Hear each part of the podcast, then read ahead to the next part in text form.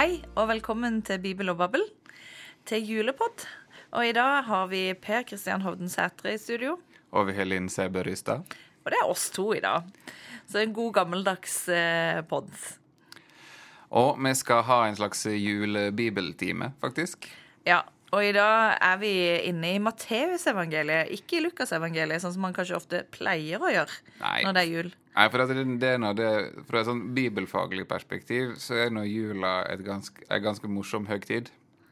Fordi de andre høgtidene i kirkeåret, de har jo Altså, altså påske og pinse, de bygger jo videre på jødiske høgtider.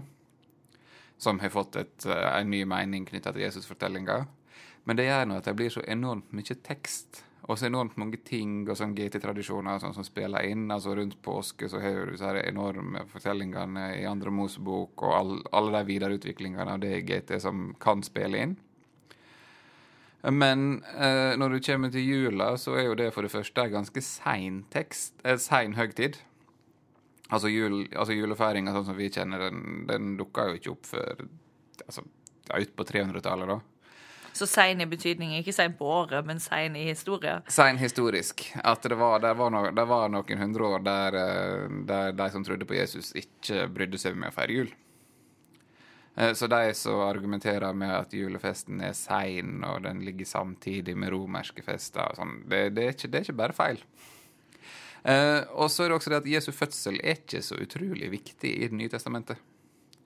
Altså, Paulus skriver først Uh, Han nevner så vidt at Jesus er født. Altså, han nevner jo Jesus, så det må jo være en fødsel. Uh, han nevner faktisk i romerbrevet at Jesus er født av Davids ett. Så det er et lite poeng. Men det blir aldri noen stor greie. Ja, Men det er vel et ganske stort poeng allikevel, selv om Paulus gjør et lite poeng ut av det. Ja, det blir det. eh, Og særlig Matteus er det viktig. Men mindre enn en skulle tro. Det er egentlig bare Matteus som gjør noe ut av det. De andre nevner det. Eh, Og så har du Markus. Der har du et helt evangelium som mangler fødselsfortellinga. Eh, Og det er egentlig bare i Matteus og Lukas at det blir noe særlig av det.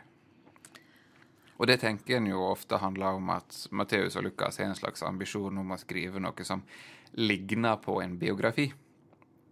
Og da hører jo fødselsfortellinga med også i biografier i antikken. Og gjerne en litt spesiell fødselsfortelling.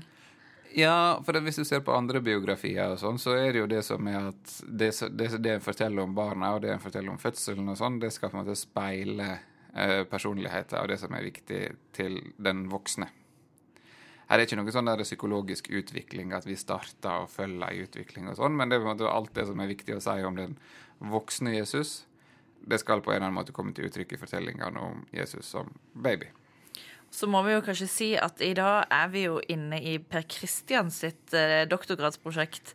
Så eh, du er nesten litt som å regne som gjest i dag.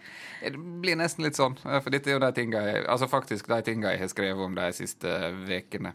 Forhåpentligvis for siste gang, og for kanskje jeg har snart et ferdig kapittel om disse tinga. Men eh, Så jeg gleder meg veldig til bibeltime i dag. jeg tror vi skal få til noe. Og det er jo litt sånn fordi at det er så lite tekst i jula, så har den gjerne litt lite ting å spille på. Eh, og jeg tenker, altså iallfall min egen erfaring som forkynner eh, og som prest i desember, er jo at du blir litt lei av dine egne poeng. Så vanvittig lei.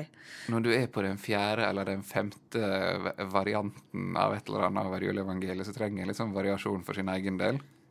Og da er det tips å lese Matteus. Da er tips å lese Matteus, for det blir ikke så veldig mye brukt. Eller akkurat nå, når vi er inne i første rekke, så er jo Matteus Der er jo altså, Jeg vet ikke hva jeg skal kalle det, men fødselsfortellinga i Matteus 1. Um, den er jo preiketekst på julenatt. Men jeg vet ikke hvor mange som egentlig bruker den teksten, men, altså den, tekst, den delen av tekstrekken, men den finnes nå.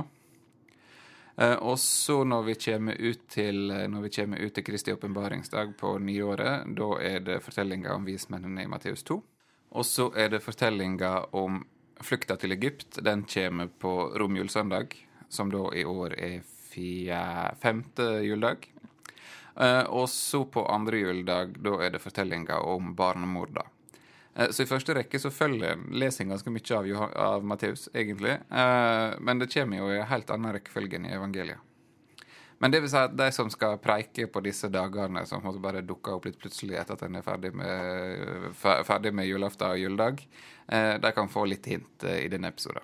Men ikke bare de som skal preke etter jul, også de som skal preke før jul. Altså, mange har jo skolegudstjenester, kanskje, kanskje har du allerede hatt, men kanskje har du denne uka. Og det er vel perspektiver fra Matteus som kan brukes eh, i forkynnelsen før jul også?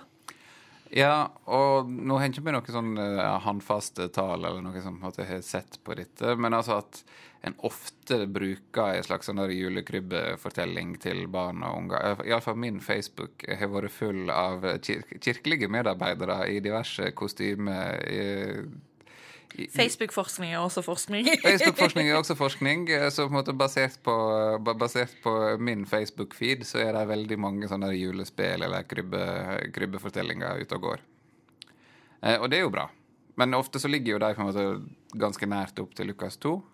Eh, men ved å bruke Matteus så kan du få litt andre perspektiv eh, i tillegg. Og få litt mer kjøtt på beinet. Eh, som for eksempel? Som for eksempel det er jo i Matteus du finner ut noe særlig om Josef.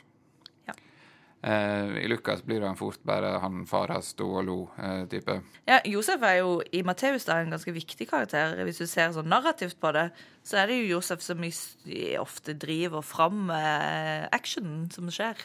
Ja, mønsteret er jo Josef får beskjed fra engelen i en drøm om hva han skal gjøre, og så går han og gjør det han får beskjed om, og det er egentlig det som driver fortellinga framover. Og så er han kanskje litt uh, sur og litt uh, vanskelig, men så får han, den, får han drøm, og så går det, går det, bra. Ja, og den første grunnen til at Josef er viktig i Matteus, er jo at evangeliet det begynner jo med ei uh, ettertavle. Ei liste over egentlig ikke Jesu forfedre, men Josef sine forfedre. For første setninga i Matteus den er nå dette er ettertavla til Jesus Kristus, Davids sønn og Abrahams sønn. Men ut ifra fortellinga i Matteus så er jo ikke eh, Jesus i slekt med disse her.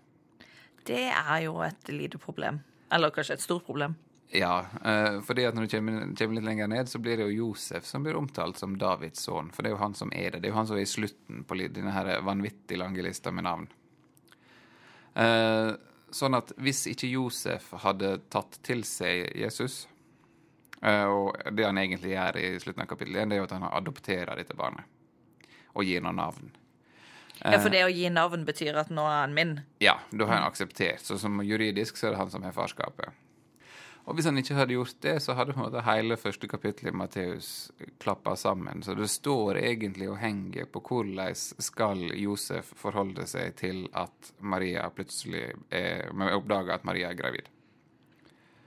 Så det er et ganske stort drama. Eh, og, og det, noen har også lagt merke til at i etterlista så er det nevnt noen kvinner. Det er en hel lang, lang liste med menn.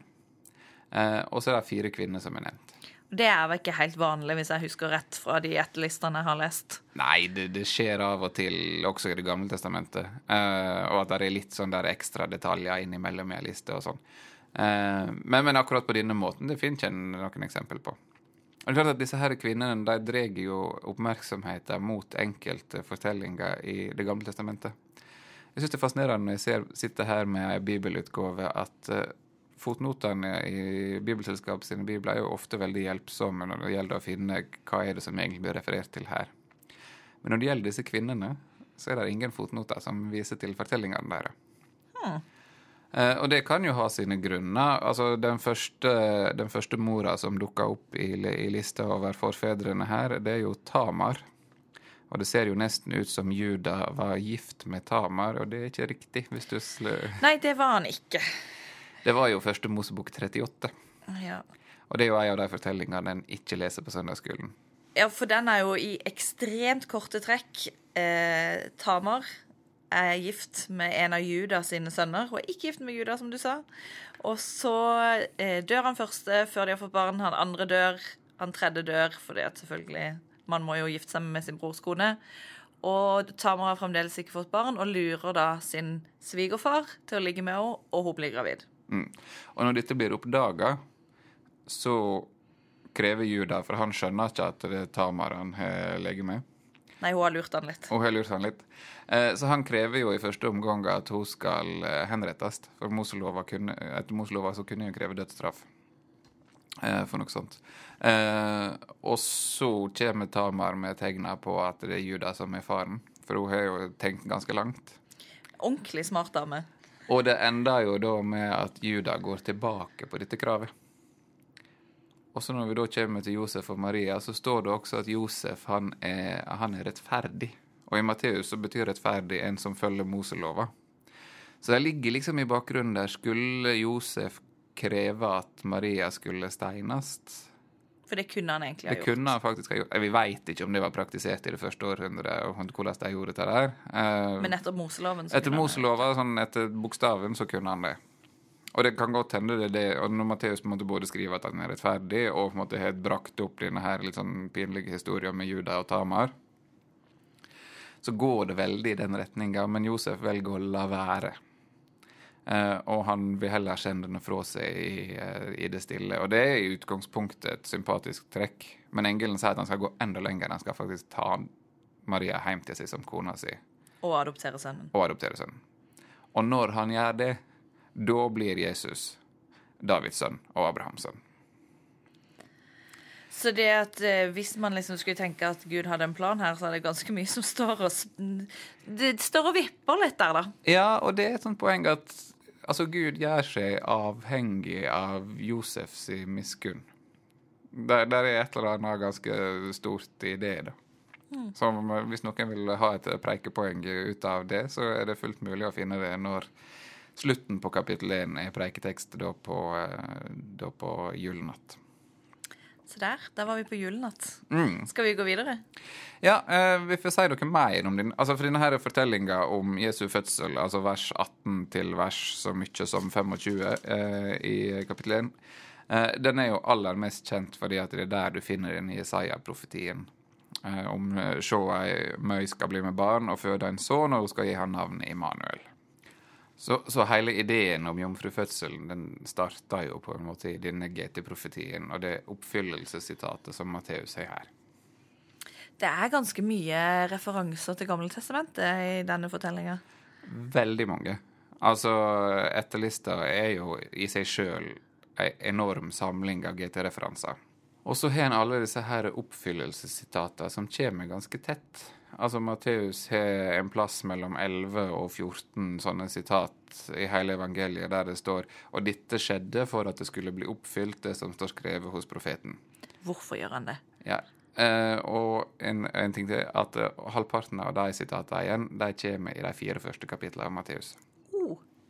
Ja, Så da spør jeg igjen, hvorfor gjør han det?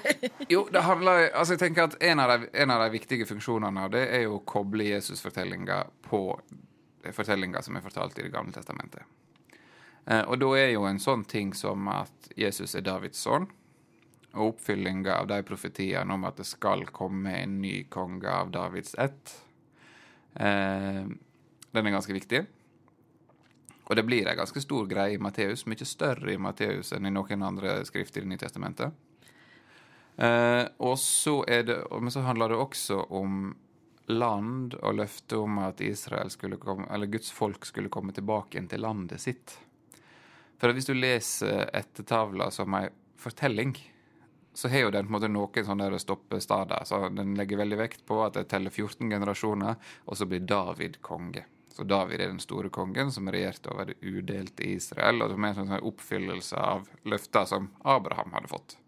Og Jesus er jo Abrahams sønn og Davids sønn, ifølge vers 1. Men så gikk jo det gale. Fordi at de neste 14 forfedrene til Jesus, de var jo kongene eh, i, eh, kongene i Juda. Eh, og hvis du leser fortellingene i kongebøkene, så står det jo om nesten alle sammen at de gjorde det som vondt var i Guds øyne. Og det endte jo med at som straff for syndene til folket, så ble de ført i eksil til Babylon.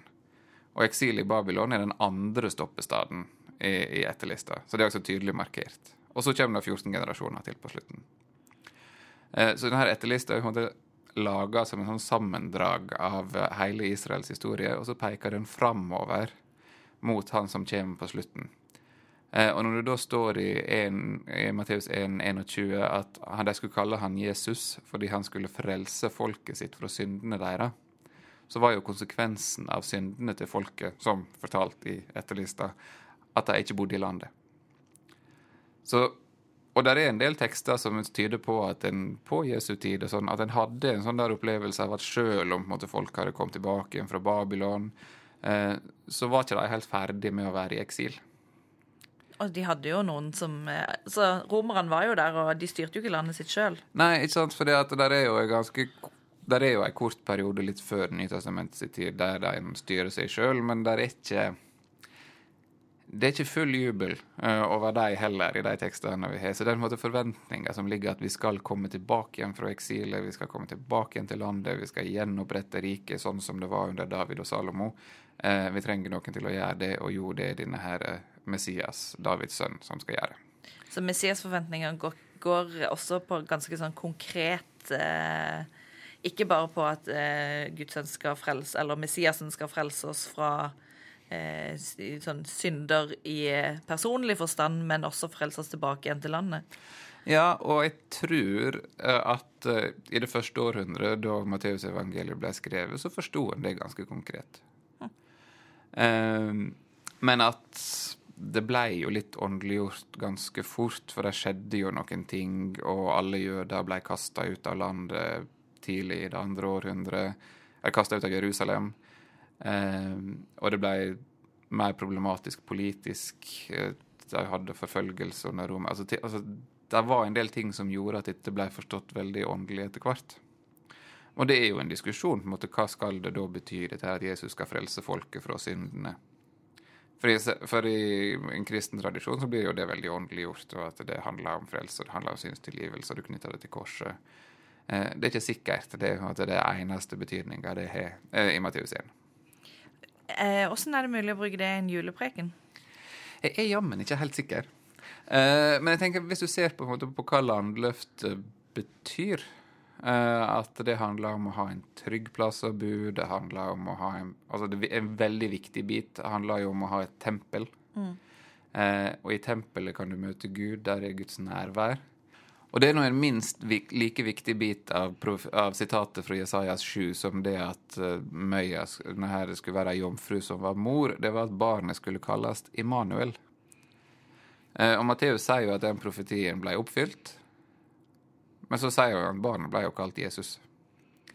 Men Immanuel, som da betyr Gud med oss, og Matteus understreker det og oversetter det for de eh, leserne som ikke kan, som ikke kan hebraisk, blir noe viktig når han skriver om Jesus seinere. Altså, du kommer ut eh, i kapittel 18, er det vel, der, sier, der Jesus sier der, der, to eller tre samla, er midt imellom dere. Og i kapittel 28 i misjonsbefalinga, der sier jo Jesus og se, jeg er med dere alle dager. Så det blir en sånn fin uh, gjennomgang i Mahel Matteus at Jesus starta med at dette barnet skal hete Gud med dere. Og så i slutten på evangeliet så sier Jesus sjøl og se, jeg er med dere. Sånn at Det er noe med Guds nærvær, den tilgangen til Gud som folket hadde i tempelet, som de var redde for å miste.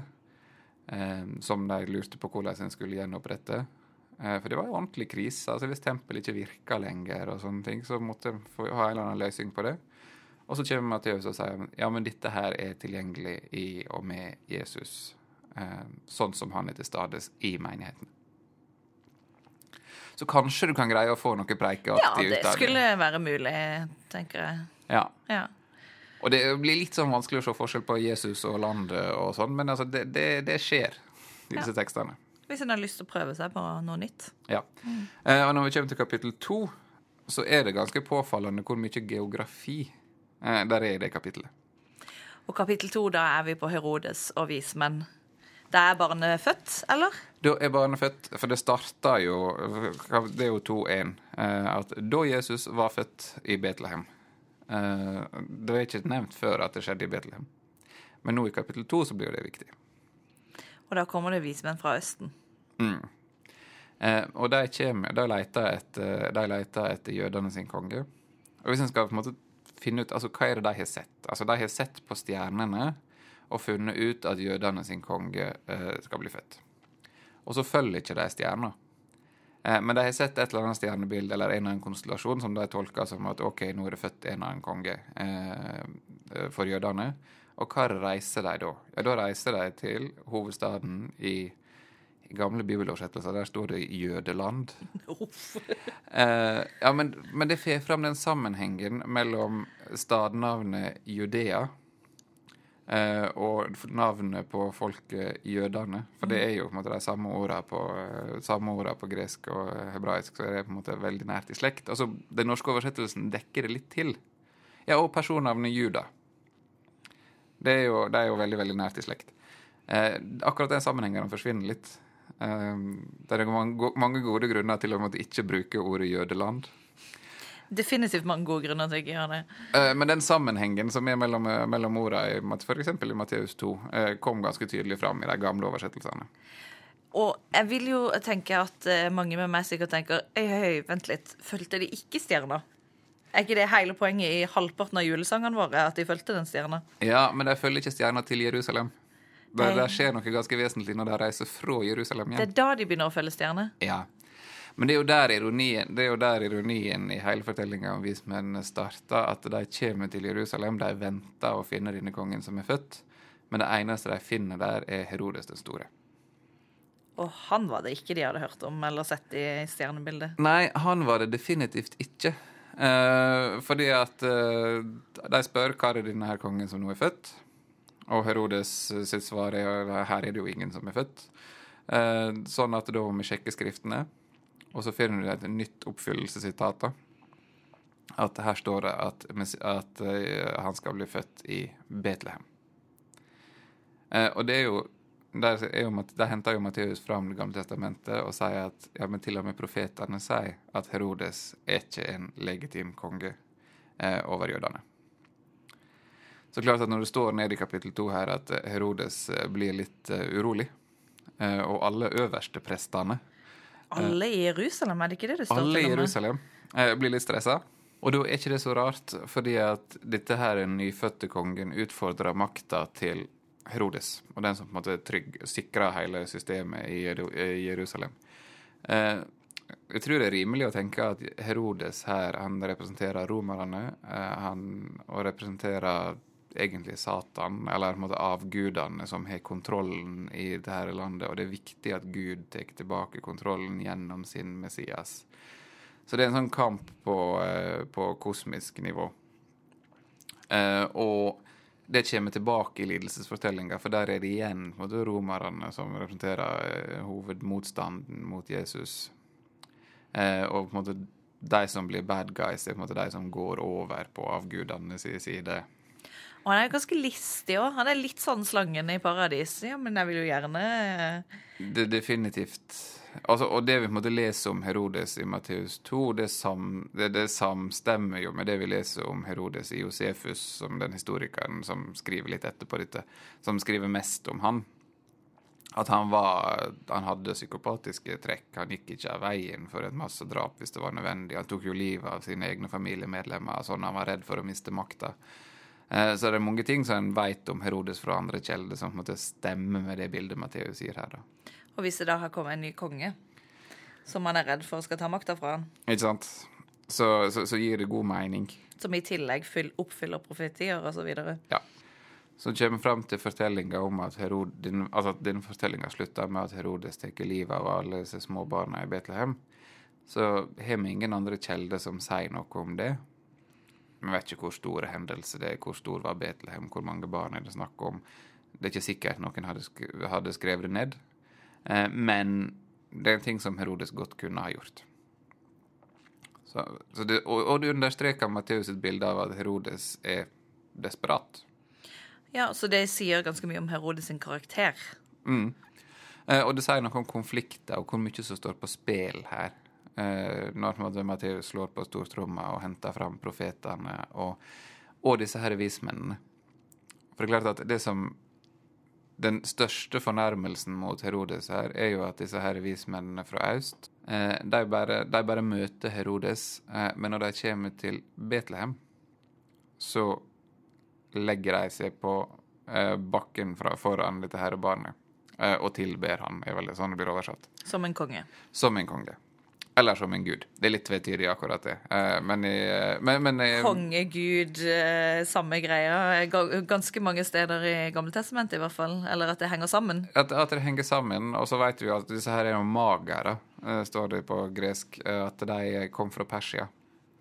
Og i Persia så hadde en den type, den type måten å helse på en konge. Så klart at det egentlig De anerkjenner egentlig bare Jesus som konge ved å gjøre det. Eh, og det samstemmer med en del, eh, med, med en del gammeltestamentlige tekster. Eh, og de står faktisk i fotnotene. Nå er fotnotene i bibelutgava til god hjelp. Sånne plasser som i Salme 72 og Jesaja 60, som beskriver hvordan kongene fra andre land i de siste tider skal komme til Jerusalem for å tilbe. for å tilbe. Og i Salme 72 for å, for å komme fram for Messias. Så må jeg bare si at når jeg leste gjennom nå, så oppdager jeg at det står ingen steder hvor mange vismenn det er. Det står ikke at det er tre, det står bare at det er vismenn. Så hvor kommer disse her tre, det tretallet fra? Er det bare fordi det er et sånn hellig tall med tre, eller uh... Jeg også hender med seg tre gaver. Ja. Uh, og disse tre gavene de kommer jo også fra disse gammeltestamentlige tekstene. Uh, at gull og røykelse det er noe disse her kongene har med seg når de skal komme til. Det er kongegaver. Det er kongegaver. Uh, og så har det mange som har tenkt at det er disse her forskjellige funksjoner, og det kan være medisinsk, og en har tolka det symbolsk, at det peker fram til Jesu død. Det er mange, mange grundige tolkninger av tingene her, men jeg tenker det at det peker tilbake igjen til Jesaja. Eh, og en av de morsomme tingene er jo at eh, vismennene blir jo nesten alltid framstilt som de reiser på kamel. Men det er ingen kameler i, i Matteus 2. Det står ikke noe om kameler her, nei. Men der er kameler i uh, Jesaja 60. For da kommer disse kongene på kameler. Så det er et eksempel på at en har henta inn noen ting i de vanlige framstillingene av disse fortellingene, som egentlig kommer fra de gammeltestamentlige tekstene som blir referert til.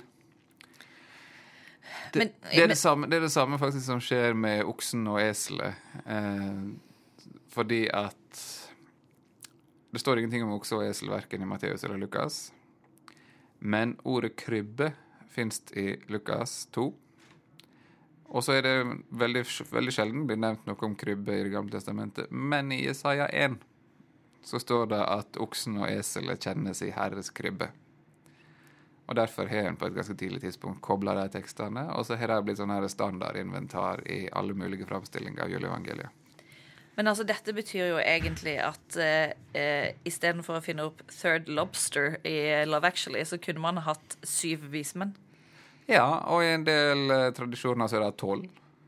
Ja, Det også, selvfølgelig. det er også et godt tall. Et liksom. godt tall, tolv stammer uh, osv. Ja, ikke sant? For da får du ta Israels tolv stammer, og så får du disse her kongene som representerer de andre folkeslagene. Ja. Og så får du sånn fin balanse at det er tolv hver. Jeg vet at du hadde et poeng til om veien fra Jerusalem til Betlehem og vismennene. Ja, for der skjer det jo en forandring. sant? Det var jo det vi nevnte innledningsvis, at de følger ikke stjerner sånn eh, De følger ikke etter ei stjerne på vei til Jerusalem. Eh, Men når du kommer til vers 9, når de beveger seg fra Jerusalem til Betlehem, og det er jo en ganske kort tur eh, Når de hørte å se stjerna som de hadde sett komme opp, for føre dem helt til hun var stående over staden der barnet var. Og da de så stjerna, ble de umåtelig glade. Eh, og denne stjerna oppfører seg jo litt sånn som skysøyla som israelsfolket så i ørkenen. Og det blir brukt litt samme type språk. Ja, Så det knyttes tilbake igjen til Det gamle testamentet og til Exodus, da. Ja, for her er litt sånn exodus under her hele veien. For, det, for vi snakka om å komme tilbake igjen til landet. Eh, og da er jo på en måte den ene fortellinga om det er jo på en måte de som vendte tilbake igjen etter eh, eksilet i Babylon. Og profeten Jesaja snakka jo om det. Eller den andre delen av Jesaja-boka. Eh, men så er det også fortellinga om da folket kom fra Egypt og kom inn til det landet de, var lova. Så her er et sånn der hint om at å, ja, kanskje det ligger noen sånne Exodus-greier. Så har vi da funnet tema som det går an å preke om på åpenbaringsdagen, eller ta med når en skal lage drama om eh, vismennene. Ja, for vi har i hvert fall peka på noen ting Altså Det er det denne teksten sier om Altså det er jo Jesus som er konge, og det er Jesus som er Messias, og den som er utvalgt, og alle de tinga. Som på en åpenbaringsdag der hele åpenbaringstida handler om hvem er egentlig Jesus, eh, så er jo det en god start. Eh, det andre perspektivet er dette her som handler om forholdet til folkeslaga. Jeg likte veldig godt den der, eh, de tolv stemmene og de tolv vismennene eh, som representerte andre folkeslag. Ja, ikke sant. Og, i, og i Den norske kirke så er jo åpenbaringsdagen og åpenbaringstida er jo en sånn misjonstid. Eh, for en snakker om at ordet skal nå ut til alle folk. Og det, altså, det handler jo vismennene også om. Det er sånn der overstiging av grensene mellom, me, me, mellom Israel og de andre folkslagene som skjer allerede i kapittel to.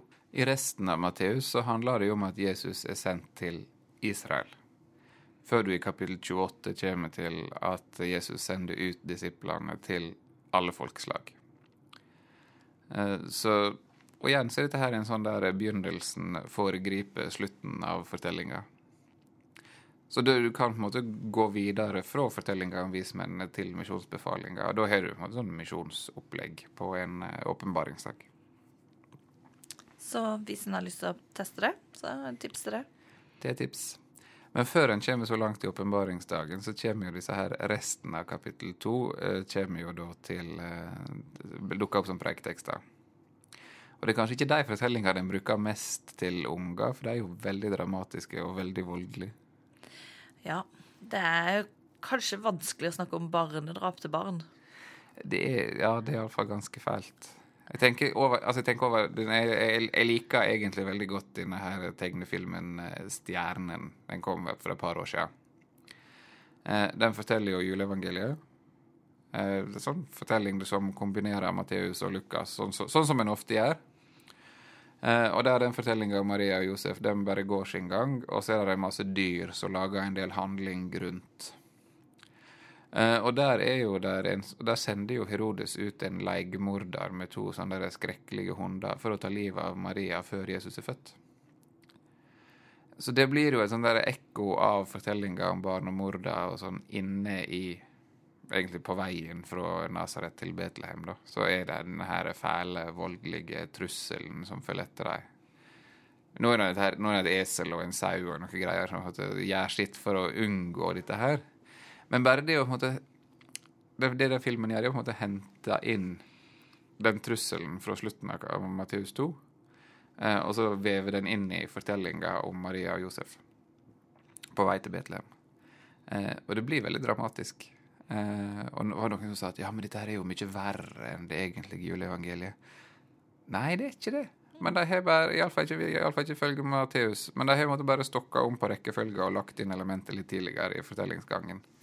Altså Det det får fram, er jo at det står mye på spill her, sånn som du sa litt tidligere, at det er liksom en svær sånn kosmisk kamp mellom det gode og det onde.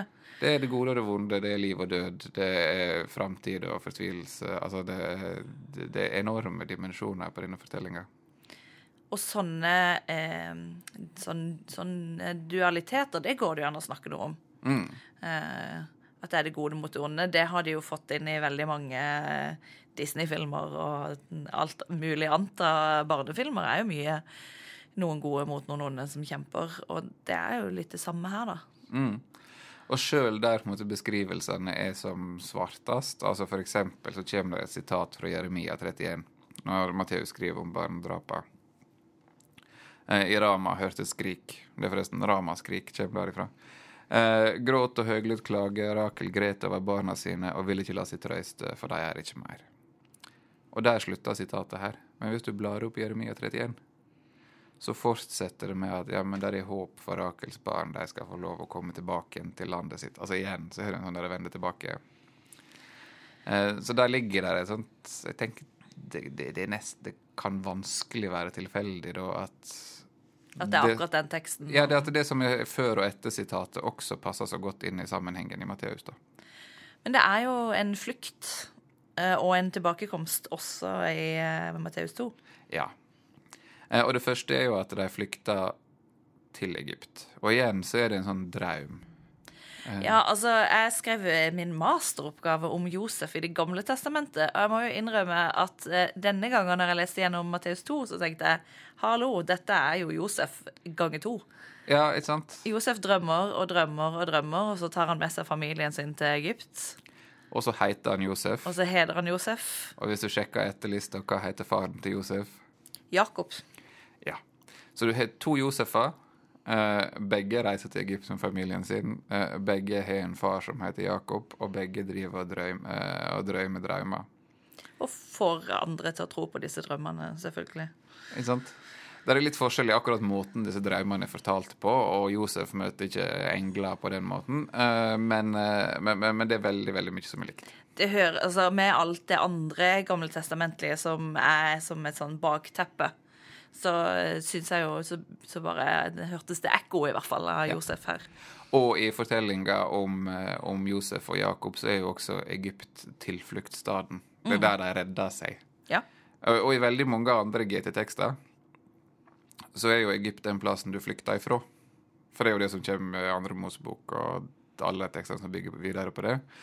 Men i noen tekster så er det plassen du flykter til. Det som jeg syns er gøy, uh, fordi jeg skriver avhandling om Salomo i Matteusevangeliet, er jo at uh, en annen som flykta til Egypt, det er jo Je- Jeroboam.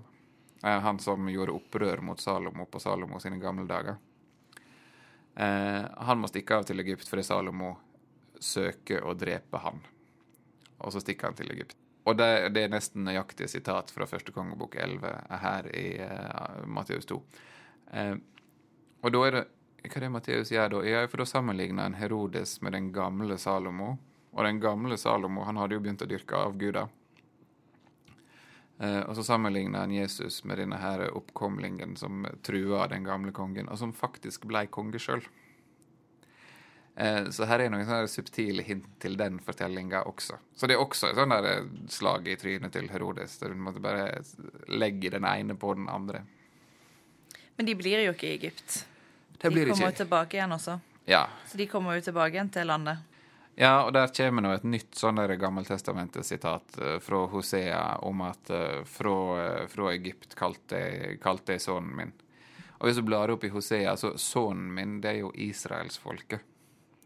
Så her er en sånn tendens også i Matteus 2 til at Jesus og Israel, altså folket og personen, de flyter litt sammen. Og det er Jesus som måtte spille ut hele Israels historie i sin egen fortelling.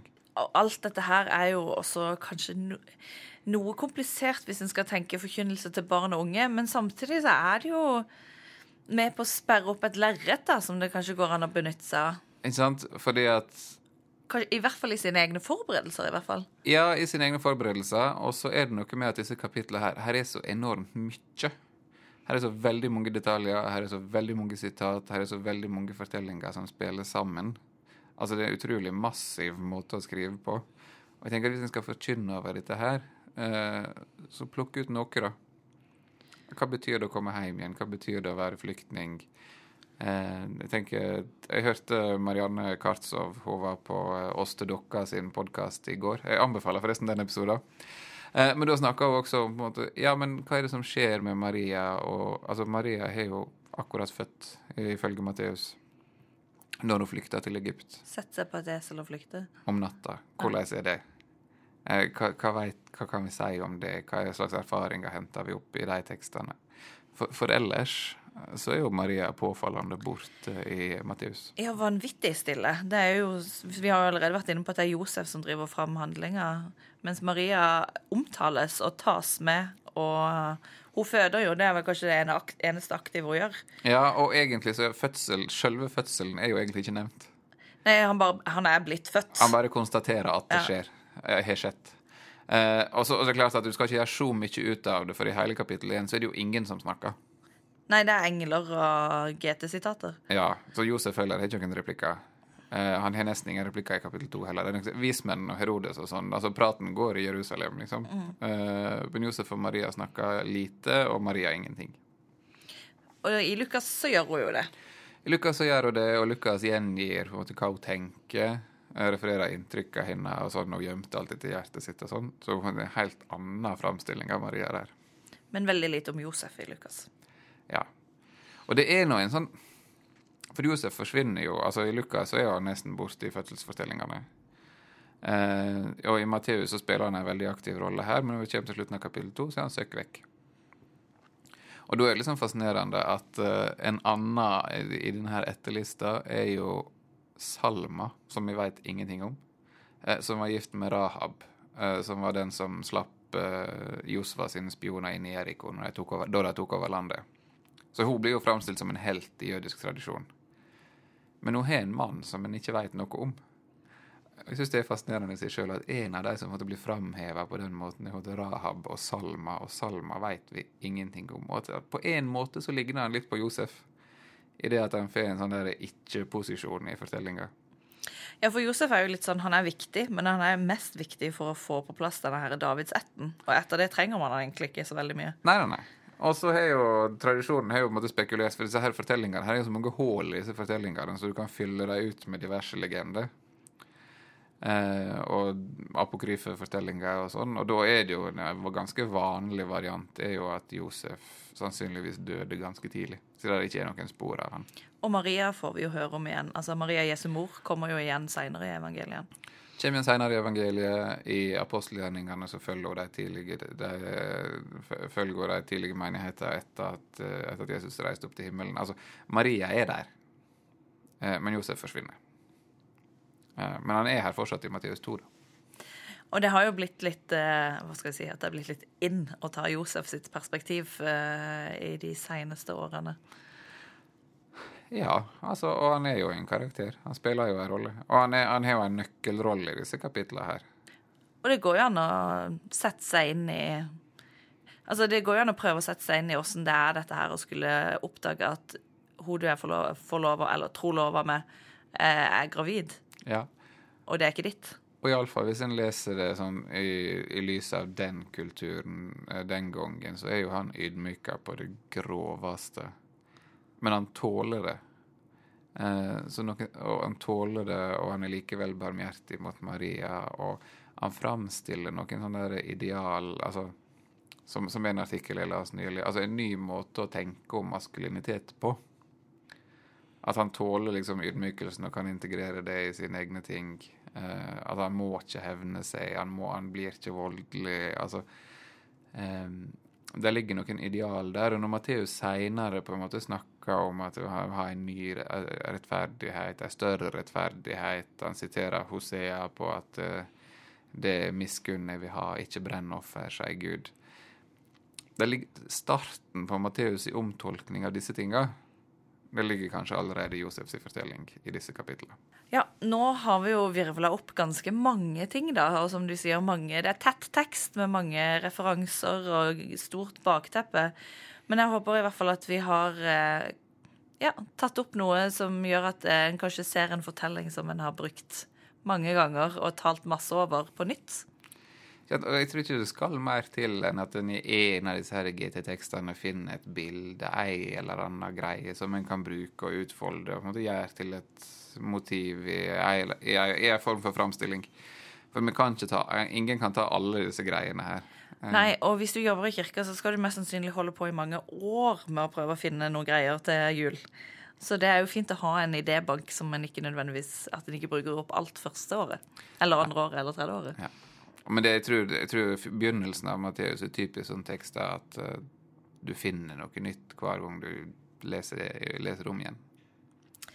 Med det så tror jeg vi må avslutte her og si at vi håper dere finner noe nytt når dere skal preke over disse tekstene i jula. Og ordentlig lykke til. Ja. Så ønsker vi dere rett og slett ei god jul. God jul. Takk for i år, og så er vi tilbake igjen på nyåret. Ha det bra. Ha det godt.